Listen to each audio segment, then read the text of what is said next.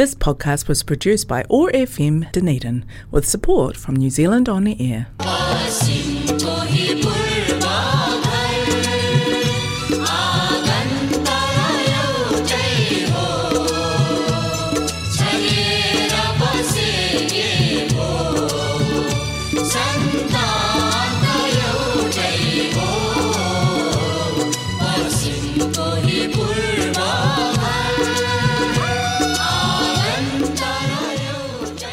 Now my higher my नमस्ते। हरेक मङ्गलबार साँझको छ बजे प्रसारण हुने कटाको एक्सेस रेडियोबाट सञ्चालित कार्यक्रम हाम्रो आवाजमा म टिका कौशिकको सम्पूर्ण श्रोताहरूमा हार्दिक अभिवादन। आज मङ्गलबार स्पेसन दुई हजार बाइस जुलाई महिनाको पाँच तारिक तदनुसार विक्रम सम्बत दुई हजार उनासी आषाढ एक्काइस गते। दनेरी नेपाली समाजको प्रस्तुति रहेको कार्यक्रम हाम्रो आवाजलाई प्रायोजन गरेको छ कनेक्टिङ कल्चर एथनिक कम्युनिटिजले कार्यक्रम हाम्रो आवाज ओटाको रेडियो एक सय पाँच दशमलव चार मेगा हजमा हरेक मङ्गलबार न्युजिल्यान्डको समयअनुसार साँझ छ तिस बजेदेखि सात बजेसम्म सुन्न सक्नुहुनेछ भने पोडकास्ट तथा आइट्युन्सबाट तपाईँले चाहेको बेलामा सुन्न सक्नुहुनेछ। कार्यक्रम हाम्रो आवाजमा तपाईँले आज सुन्नुहुनेछ एक छलफल र आजका मेरा अतिथि हुनुहुन्छ doctor Sarita KC. Doctor KC Christchurch हस्पिटलमा हाउस सर्जन हुनुहुन्छ। डाक्टर केसीले नेपालको त्रिभुवन विश्वविद्यालय बिरगन्जको नेसनल मेडिकल कलेजबाट बालरोग विशेषज्ञ यानि कि पेड्राटिक्समा एमडी हुनुहुन्छ। कार्यक्रममा स्वागत छ यहाँलाई। मलाई यहाँ बोल्ने अवसर दिनुभएकोमा यहाँलाई धेरै धेरै धन्यवाद। साथै यो कार्यक्रम हाम्रो आवाज सुनेर बसिरहनुभएका सम्पूर्णमा मेरो हार्दिक नमस्कार। एउटा हाउस सर्जनको साधारण दैनिकी कस्तो रहन्छ? हुन त प्रत्येक दिनको आफ्नो ड्युटी फरक फरक होला होइन? परिस्थिति अनुसार सबैले चल्नुपर्छ तर पनि साधारण एउटा हाउस सर्जनको दैनिकी कस्तो हुनसक्छ? एकदमै राम्रो क्वेसन। हाउस सर्जन भन्ने बित्तिकै एउटा लाइक मेडिकल अफिसर हो र उसले बिहान हस्पिटल जेनरली सुरु हुने भनेको सेभेन थर्टीदेखि एटमा हस्पिटल पुगिसक्नुपर्छ। र त्योभन्दा पहिले आफ्नो घरको बिहान उठ्ने बच्चाहरूलाई रेडी गर्ने अरू नित्यकर्महरू सबै भ्याएर बच्चाहरूलाई स्कुल छोडिवरी जे जे गर्नुपर्छ सबै कामहरू भ्याएर साढे सातदेखि आठ बजीसम्म हस्पिटल कुनै पनि हालतमा पुग्नु पर्यो र त्यसपछिको रुटिन भनेको बिरामी हेर्ने नै हुन्छ र अस्पतालमा प्रत्येक दिन प्रत्येक थरीका बिरामीहरू हुन्छन्। त्यो साधारणतया चार बजे सकिनु पर्ने हो तर कहिलेकाहीँ कामको व्यस्तताले गर्दा अथवा कुनै पनि बिरामीहरू सिकिस्त भइदिँदा हामी टाइममा घरमा फर्किन नसक्ने अवस्था आउनसक्छ यो कुनै पनि मेडिकल प्रोफेसनको लागि नर्मल हो र यो न्युजिल्यान्डमा मात्र होइन नेपालमा पनि यस्तै हो र सायद अरू देशहरूमा पनि यस्तै हुन्छ। अलिकति ढिलो भनेको हाम्रो लागि त्यो नर्मल नै रहन्छ। त्यसपछि घरमा फर्केपछि आफ्नो नित्य कर्महरू छँदैछ र लाइफ प्रायः जसो बिजी नै हुन्छ र कुनै पनि हस्पिटलहरू हामीले हेर्दाखेरि न्युजिल्यान्डको कन्टेक्स्टमा चाहिँ जहिले पनि बिजी हुन्छ र उनीहरूले बिरामीको रेसियोमा डक्टर लिने गर्छन्। यदि बिरामी कम हुन्छ भने डक्टरलाई त्यो ठाउँमा नभएर अर्को ठाउँमा जहाँ बिजी छ त्यतातिर पठाइन्छ। कुनै पनि विशेष दिनमा भनौँ न अलिकति बिजी भयो भने बिरामी कुनै दिन चाप होला होइन? त्यस्तो भएको अवस्थामा सर्जन हाउस कसरी चल्छ? त्यो दिन बिजी डेजहरू मोस्ट अफ द डेज चाहिँ बिजी डे नै हुन्छ र कहिलेकाहीँ चाहिँ क्वाइट डेजहरू पनि हुन्छ। त्यो रियरली हुन्छ तर पनि एटलिस्ट हुन्छ र बिजी डेजहरूमा चाहिँ हामीले फर्स्ट अफ अल आफू आफूलाई इफिसियन्टली काममा लगाउनु पर्यो सकेसम्म छोटो समयमा धेरै काम सकाउनु पर्यो। अर्को कुरा चाहिँ प्रायोरिटाइज गर्नु पर्यो टास्कलाई कुन कुरा इम्पोर्टेन्ट छ कुन कुरा अर्जेन्टली गर्नुपर्ने छ त्यो अनुसार बिस्तारै कामहरू सल्टाउँदै जानु पर्यो र जस्ट इन केस त्यति गर्दा पनि हामीले आफ्नो काम समयमा नभ्याउने जस्तो भयो भने हामीले एक्स्ट्रा हेल्पको लागि रिक्वेस्ट गर्न सक्छौँ र एक्स्ट्रा हेल्प आउँछ नै। यो चाहिँ एक्स्ट्रा हेल्प पाउने एउटा राम्रो सिस्टम छ न्युजिल्यान्डमा जुन नेपालमा रियरली हुन्छ। अब अलिकति हामी पछाडि फर्कौँ होइन? तपाईँले नेसनल मेडिकल कलेज बिरगन्जलाई सम्झनु पर्दाखेरि किन मेडिसिन रोज्नुभयो? र त्योभन्दा अगाडि भनौँ न अब एमबिबिएस कहाँबाट गर्नुभयो? हजुर मैले एमबिबिएस चाइनाबाट गरेँ। एमबिबिएस गरिसकेपछि मैले प्रि इन्टर्न र इन्टर्न दुई वर्ष नेपालका विभिन्न सरकारी अस्पतालहरू वीर हस्पिटल कान्ति प्रसुति नेपाल आँखा अस्पताल र मेन्टल हस्पिटल पाटन गरेर आफ्नो दुई वर्ष प्रि इन्टर्न र इन्टर्नसिप सकाएँ। त्यसपछि मैले प्रसुति गृहमा हाउस अफिसर भएर काम गरेँ साढे तिन वर्ष जसमध्येको तिन वर्ष मैले गाइने अप्समा प्रसुति रोगमा मात्र गरेँ भने बाँकीको छ महिना मैले नवजात शिशुमा गरेँ। जब मैले प्रसुतिमा काम गर्दाखेरि यो डेलिभरीहरू ह्यान्डल गरेँ त्यसपछि मलाई यो न्युबर्न बेबीहरू देखेर साह्रै माया लाग्न थाल्यो र न्युबर्नतिर गर्दा ठिक हुन्छ कि मेरो भनेर मेरो इन्ट्रेस्ट स्लाइटली चेन्ज भएर गाइने अप्सबाट म नियोनेटोलोजी यो नवजात शिशुतिर गएँ र प्रसुति गृहमा त्यति बेला नवजात शिशुको लागि एनआइसियु सहितको एउटा राम्रो युनिटको व्यवस्था थियो। मैले त्यहाँ छ महिना गरेँ। त्यसपछि मलाई पेडियाट्रिक्समै म फर्दर अगाडि स्टडी गर्छु भनेर मैले पेडियाट्रिक्स सब्जेक्ट चुज गरेँ।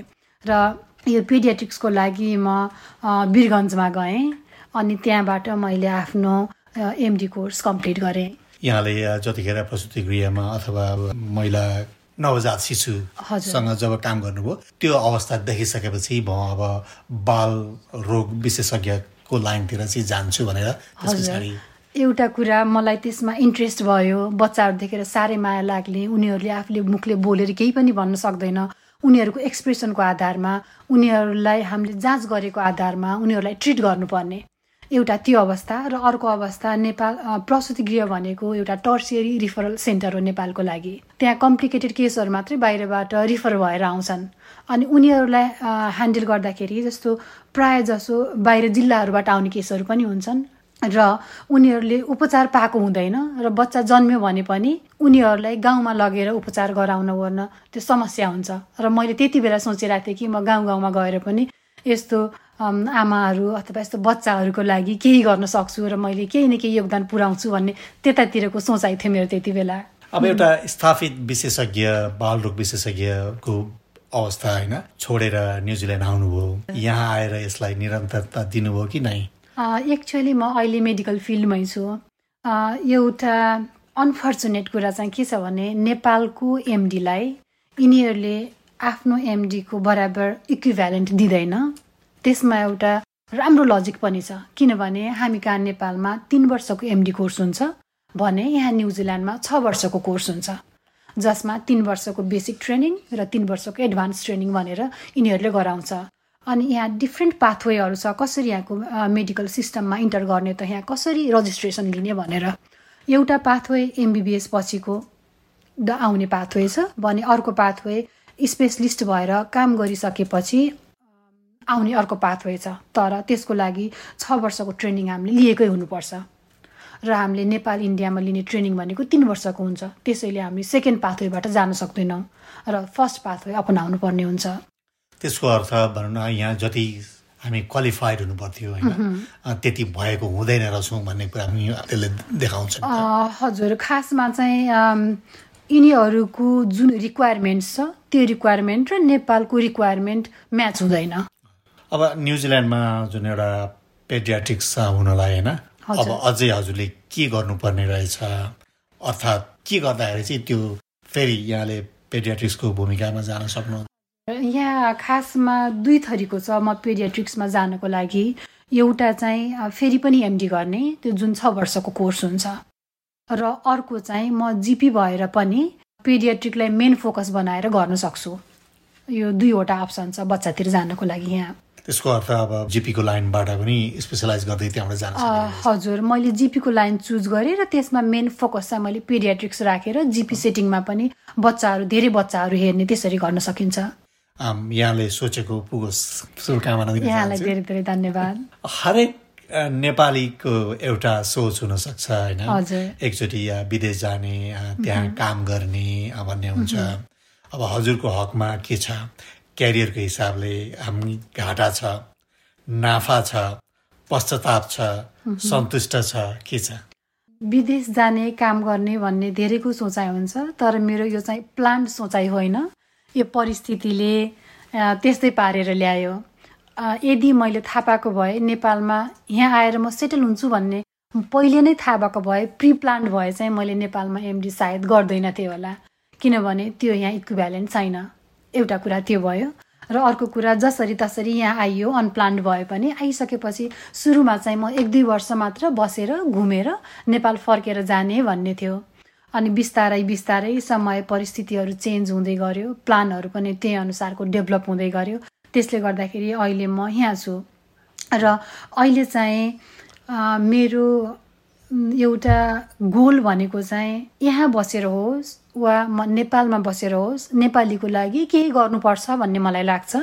र यो अहिले म बसिरहेको ठाउँ क्राइस्ट चर्चमा दुई हजार अथवा त्योभन्दा माथिको हाराहारीमा नेपाली बोल्ने जनसङ्ख्या छ। र एउटा पनि नेपाली भाषा बोल्ने जिपी छैन।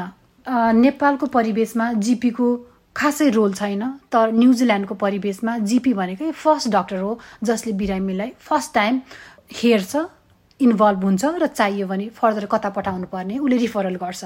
र जो पनि बिरामी एउटा जिपीसँग आबद्ध भएर बसेको हुन्छ यदि यहाँ मैले जिपी गरेँ भने यति धेरै नेपाली बोल्ने समुदायको बिचमा कति नेपालीहरूलाई राम्रोसँग इङ्ग्लिस बोल्न आउँदैन अथवा आफ्नो भाषामा आफ्नो रोग भन्न पाइन्छ।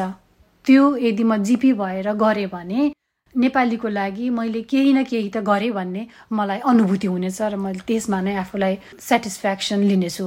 आफ्नो अब नेपालीहरूको डाक्टर अथवा जिपी नहुँदाखेरि हरेक नेपाली बोल्ने नेपाली भाषी जुन बिरामी हुनुहुन्छ उहाँले दोभाषीको सहयोग लिनुपर्ने हुन्छ होइन? हजुर। कम्तीमा आफ्नो भाषा बोल्ने डाक्टर हुने हो भने होइन विशेषज्ञ हुनु भने सिधै आफ्नो कुरा सिधै राख्न सकिन्छ। एउटा बिरामीको लागि पनि निकै भनौँ न गौरवको विषय हुन्छ भने डक्टरलाई पनि मैले आफ्नो नेपाली जातिलाई नै सेवा पुर्याउन सकेँ भने महसुस पक्कै पनि हुन्छ सन्तुष्टिको महसुस हुन्छ।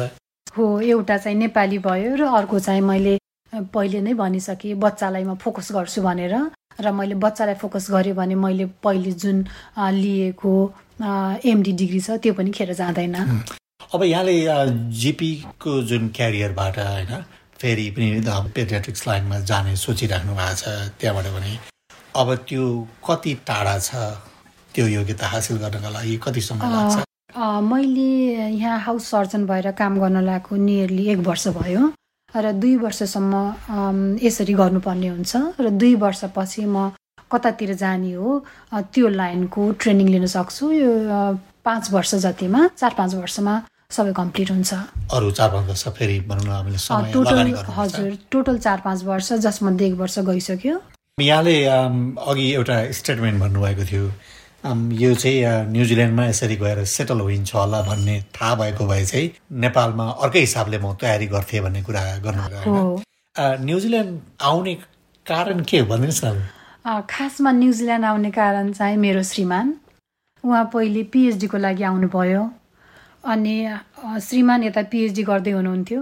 म नेपालमा एमडी गर्दै थिएँ र हाम्रो सानो छोरी थिइन् त्यति बेला। दुई वर्षको बच्चालाई मम्मीसँग छोडेर म एमडी गर्दै थिएँ। हामी तिनजना तिनतिर थियौँ त्यति बेला। अनि यहाँ हस्बेन्डको पिएचडी सकेपछि उहाँले एउटा जब पाउनुभयो। अनि जब पाएपछि त मलाई यहाँ आएर फर्दर काम गरिराख्नु पर्ने भएन। अनि रमाइलो मात्र गर्ने घुम्ने अनि सबैजना सँगै बस्ने भन्ने खालको त्यस्तो खालको सोचाइ थियो। अनि त्यसरी आइएको हो। र आएपछि बिस्तारै बिस्तारै प्लानहरू चेन्ज हुँदै गरे। अब रेजिडेन्सी लिउँ पिआर लिउँ न त यहाँको बसाइ नेपालको भन्दा अलिकति भिन्नै अलिकति सजिलो अलिकति राम्रो हुन्छ कि अलिकति सोसियल सेक्युरिटी धेरै हो कि पोलिटिकली पनि अलिकति स्टेबल छ न्युजिल्यान्ड भन्ने हिसाबले यहाँको पिआर लिने भनियो त्यसपछि दुई वर्ष फेरि फर्दर बस्नको लागि एउटा कम्पल्सन जस्तो भयो। अनि त्यतिन्जेलसम्म फेरि मैले यहाँको यत्तिकै के गरेर बस्नु घरमा मेडिकल काउन्सिलमा रजिस्ट्रेसनको लागि तयारी गर्दै थिएँ। थ्योरी एक्जाम दिनुपर्छ ल्याङ्ग्वेज एक्जाम दिनुपर्छ र प्र्याक्टिकल एक्जाम दिनुपर्छ। मैले दुईवटा एक्जाम पहिले नै पास गरिसकेको हुनाले लास्ट एउटा एक्जाम पनि गरौँ न त। किन छोड्ने त्यसलाई जस्तो भयो? अनि यसरी म अल्झिँदै गएँ यहाँ यतातिर को लगाव अलिकति बढ्दै गयो भनौँ न। अनि जब सबै एक्जामहरू पास गरियो त्यसपछि ल एक्जाम पास गरेको यत्रो दुःख गरेको केसको लागि त जब त गरेर हेरौँ न त न्युजिल्यान्डको सिस्टममा कस्तो रहेछ भनेर फेरि जब सुरु गरियो त्यस्तै गरी चलिरहेछ। अब यहाँले आफ्नो पाथवे कस्तो हुन्छ कस्तो सोच्नु भएको छ भनेर त भनिसक्नु भएको छ होइन? अब नेपाल फर्किएर केही गरौँ भन्ने पनि हुनसक्छ मनमा होइन? एकदमै। अब आइहाल्यौँ यहीँ नै केही हासिल गरौँ अनि त्यस पछाडि फर्के पनि फर्कौँला भन्ने सोच त अझै छ। एकदमै छ र अहिले पनि म बेला बेलामा कहिले त होइन म उठेर गइहाल्छु अब नेपालमा जानुपर्छ भन्ने पनि सोच्छु। र मेरो घरमा पनि मेरो आमाले जहिले पनि भन्नुहुन्छ तिमी कहिले आउँछौ? चाँडै आऊ। र त्यसले गर्दाखेरि पनि मलाई बेला बेलामा पोलिरहेको हुन्छ के म यहाँ बसेर यो यहाँ बस्नु मेरो सही डिसिजन हो त? र कहिले म सोच्छु होइन यो पनि ठिकै छ। र कहिले म सोच्छु होइन म नेपाल जानुपर्छ। यो जहिले पनि म दोधारमै भइरहेको छु अहिलेसम्म। यहाँले अघि निकै महत्त्वपूर्ण स्टेटमेन्ट एउटा ल्याउनु भएको थियो क्राइस्टचर्चमा लगभग दुई हजारभन्दा बढी नेपाली भाषीहरू हुनुहुन्छ। त्यसमा भनेको अहिलेसम्म एकजना पनि भनौँ न जिपी छैन होइन? भन्ने कुरा गर्नुभयो।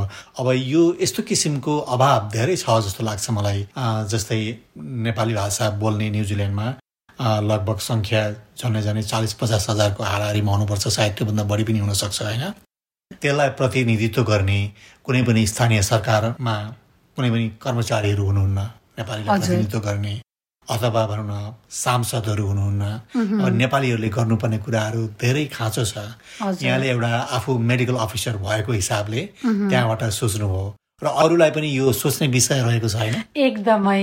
यो एकदमै शोचनीय विषय रहेको छ। यति धेरै नेपालीहरू भएको ठाउँमा किन नेपाली प्रतिनिधि छैन त? जस्तो कसैलाई पनि पोलिटिक्समा इन्ट्रेस्ट छ भने पोलिटिकली जस्तो कुनै एउटा लिडरसिप लिएर अगाडि बढ्न सक्छ जसले गर्दा यो नेपाली भाषीहरूको आवाजलाई अगाडि उठाओस्। त्यस्तै गरेर जस्तो मेयरहरू त्यस्तो कुनै पदहरूमा अगाडि जान सक्छ। सिटी काउन्सिलको एउटा डिसिजन मेकिङ पोजिसन होल्ड गर्न सक्छ।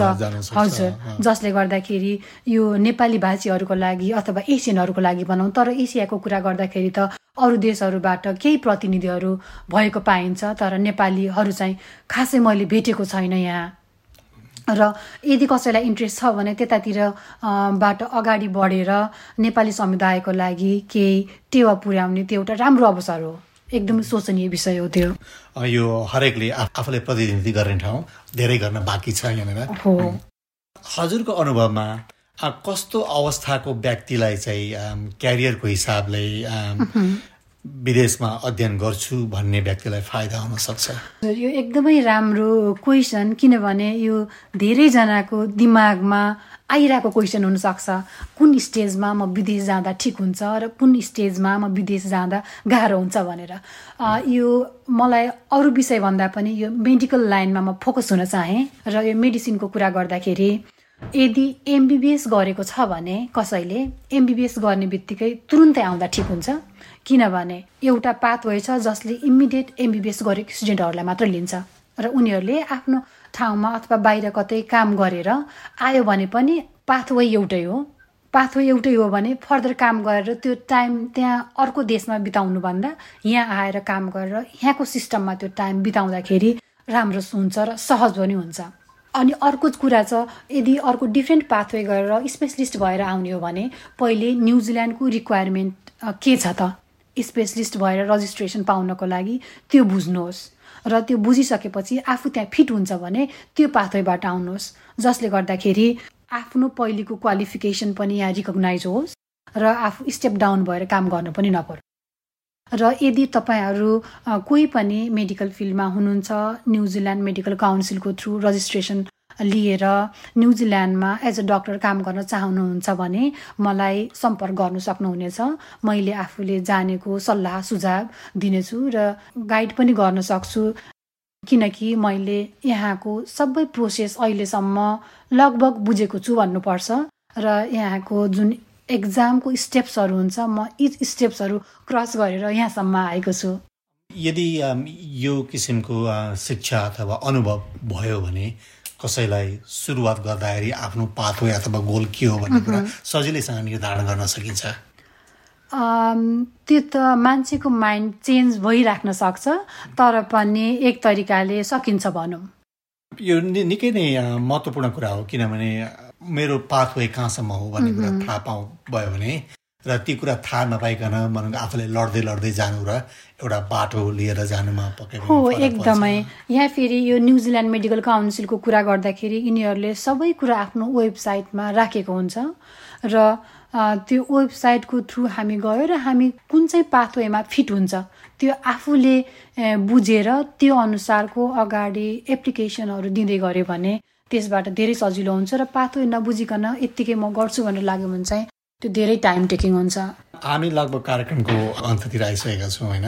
जाँदा जाँदै श्रोताहरूलाई अथवा नेपालबाट जुन मेडिसिनको लागि न्युजिल्यान्ड पढ्न आउने कोही सोचमा हुनुहुन्छ भने उहाँहरूको लागि एउटा सन्देश र अर्को यो हाम्रो कार्यक्रम सुन्नुहुने श्रोताहरूको लागि के भन्न चाहनुहुन्छ नेपालबाट कोही पनि यहाँ आउन चाहनुहुन्छ भने म के भन्न चाहन्छु भने एउटा थ्योरी एक्जाम जुन नेपालबाटै गर्न सकिन्छ इन्डियामा छ यसको टेस्ट सेन्टर इन्डियामा गएर गर्न सकिन्छ र न्युजिल्यान्डको लागि स्पेसिफिक थ्योरी छैन अस्ट्रेलियाको थ्योरी एक्जाम गर्न सकिन्छ अथवा युएसएमएले गर्न सकिन्छ थ्योरीको लागि र थ्योरी उतैबाट गरेर आउँदाखेरि यहाँ टाइम सेभ हुन्छ। एउटा म त्यो भन्न चाहन्छु। खर्च पनि खर्च पनि खर्चिलो छ हजुर यहाँ आएर एक्जाम दिनु त खर्चिलो हुन्छ नै। एउटा त्यो भन्न चाहन्छु एक्जामको अलिकति स्टेप्स उतैबाट गरेर यता आउने र अर्को चाहिँ ल्याङ्ग्वेज ल्याङ्ग्वेज पनि उतैबाट गर्न सकिन्छ। र ल्याङ्ग्वेज र थ्योरी गरिसकेपछि लास्ट स्टेप क्लिनिकल एक्जामको लागि मात्र यहाँ आउँदा हुन्छ। एउटा त्यो भन्न चाहन्छु। र अर्को पहिले आफ्नो करियर गोल्स के हो? र आफू यहाँको कन्टेक्समा फिट छ कि छैन किनभने नेपालमा काम गर्ने हाम्रो तरिका प्रक्रिया र न्युजिल्यान्डमा काम गर्ने तरिका प्रक्रिया टोटली फरक छ अनि न्युजिल्यान्डको हेल्थ सिस्टम पनि नेपालको भन्दा एकदमै फरक छ। यो हेल्थ सिस्टमहरू पनि बिस्तारै बुझ्दै गऱ्यो भने त्यसले पछि गएर काम गर्दाखेरि धेरै सजिलो बनाउँछ। श्रोताहरूलाई के भन्न चाहनुहुन्छ जाँदा जाँदै म श्रोताहरूलाई यो हाम्रो कुराकानी सुनिदिनु भयो आफ्नो टाइम दिएर। त्यसैले धेरै धेरै धन्यवाद दिन चाहन्छु र तपाईँहरू जहाँ हुनुहुन्छ जस्तो हुनुहुन्छ स्वस्थ रहनुहोस्। अहिले यो कोभिडको महामारी बढिरहेको बेला आफूलाई सुरक्षित राख्नुहोस् र कोभिड भ्याक्सिन पनि लिनुहोस् भन्न चाहन्छु। हस् यहाँको समय र यहाँको विचारका लागि धेरै धेरै धन्यवाद। हजुर हजुरलाई पनि धेरै धेरै धन्यवाद। कार्यक्रमको निर्धारित समय सकिन लागेको छ। आदरणीय श्रोताहरू तपाईँहरूले आफूले चाहेको बेलामा कार्यक्रम हाम्रो आवाज सुन्न सक्नुहुनेछ। यदि तपाईँ आइओएस चलाउनुहुन्छ भने सिधै आइट्युन्सबाट र एन्ड्रोइड चलाउनुहुन्छ भने तपाईँले पोडकास्ट एपबाट हाम्रो आवाज टाइप गरेर सर्च गर्नुभयो भने हाम्रो आवाज ओटाको एक्सेस रेडियो स्वतः देखिन्छ। त्यसमा क्लिक गरेर आफ्नो अनुकूल समयमा सुन्न सक्नुहुनेछ। पोडकास्ट एपबाट यहाँहरूले सब्सक्राइब पनि गर्न सक्नुहुनेछ। डनेरी नेपालिज सोसाइटीको फेसबुक पेजबाट पनि कार्यक्रम हाम्रो आवाज सुन्न सक्नुहुनेछ। जाँदा जाँदै हाम्रो आवाजका प्रायोजक कनेक्टिङ कल्चर र यो आवाज तरङ्गित गराउने पट्याको एक्सेस रेडियोलाई धेरै धेरै धन्यवाद। त्यस्तै गरी आजका मेरा अतिथि डाक्टर सरिता केसीलाई पनि मुरी मुरी धन्यवाद भन्दै आउँदो मङ्गलबार साँझ छ तिस बजे फेरि भेट्ने बाचाका साथ प्राविधिक मित्र जेफ र म टिका कौशिक उजेल चाहन्छु। नमस्ते शुभरात्रि। क्यापाई टेपो खाकिते आनो खोइ